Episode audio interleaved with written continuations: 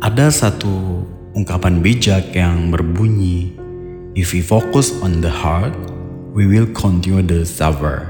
But if we focus on the listen, we will continue to grow.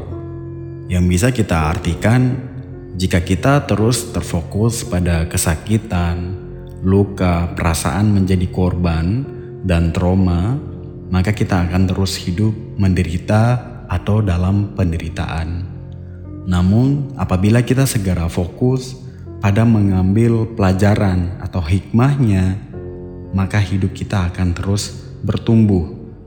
Dalam hidup ini, umumnya kita memang memiliki luka, kesakitan, dan trauma yang masing-masing yang mungkin berbeda antara satu sama lain.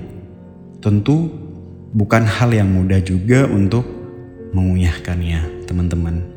Namun, kita juga tentu harus sadar bahwa apabila luka, kesedihan, kesakitan, perasaan menjadi korban, dan trauma itu terus kita rawat, lalu kita jadikan sebagai alasan juga pembenaran atas segala kemunduran dan ketidakmaksimalan hidup kita, maka sadar atau tidak sadar itu akan memakan energi positif kita dan hidup kita pun akan terus berada dalam penderitaan.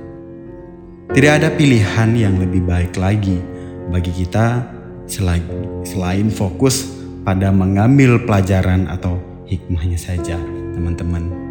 Agar kita tidak mengulangi kesalahan dan penderitaan yang sama hingga pada akhirnya hidup kita pun bisa terus bertumbuh.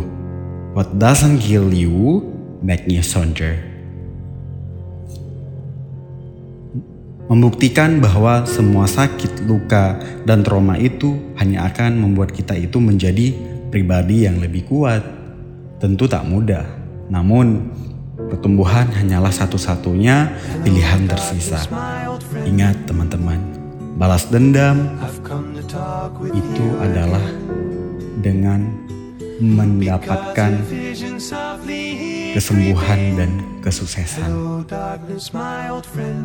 Sekali lagi, balas dendam terbaik itu adalah dengan menampilkan kesembuhan dan kesuksesan. Hello darkness my old friend I've come to talk with you again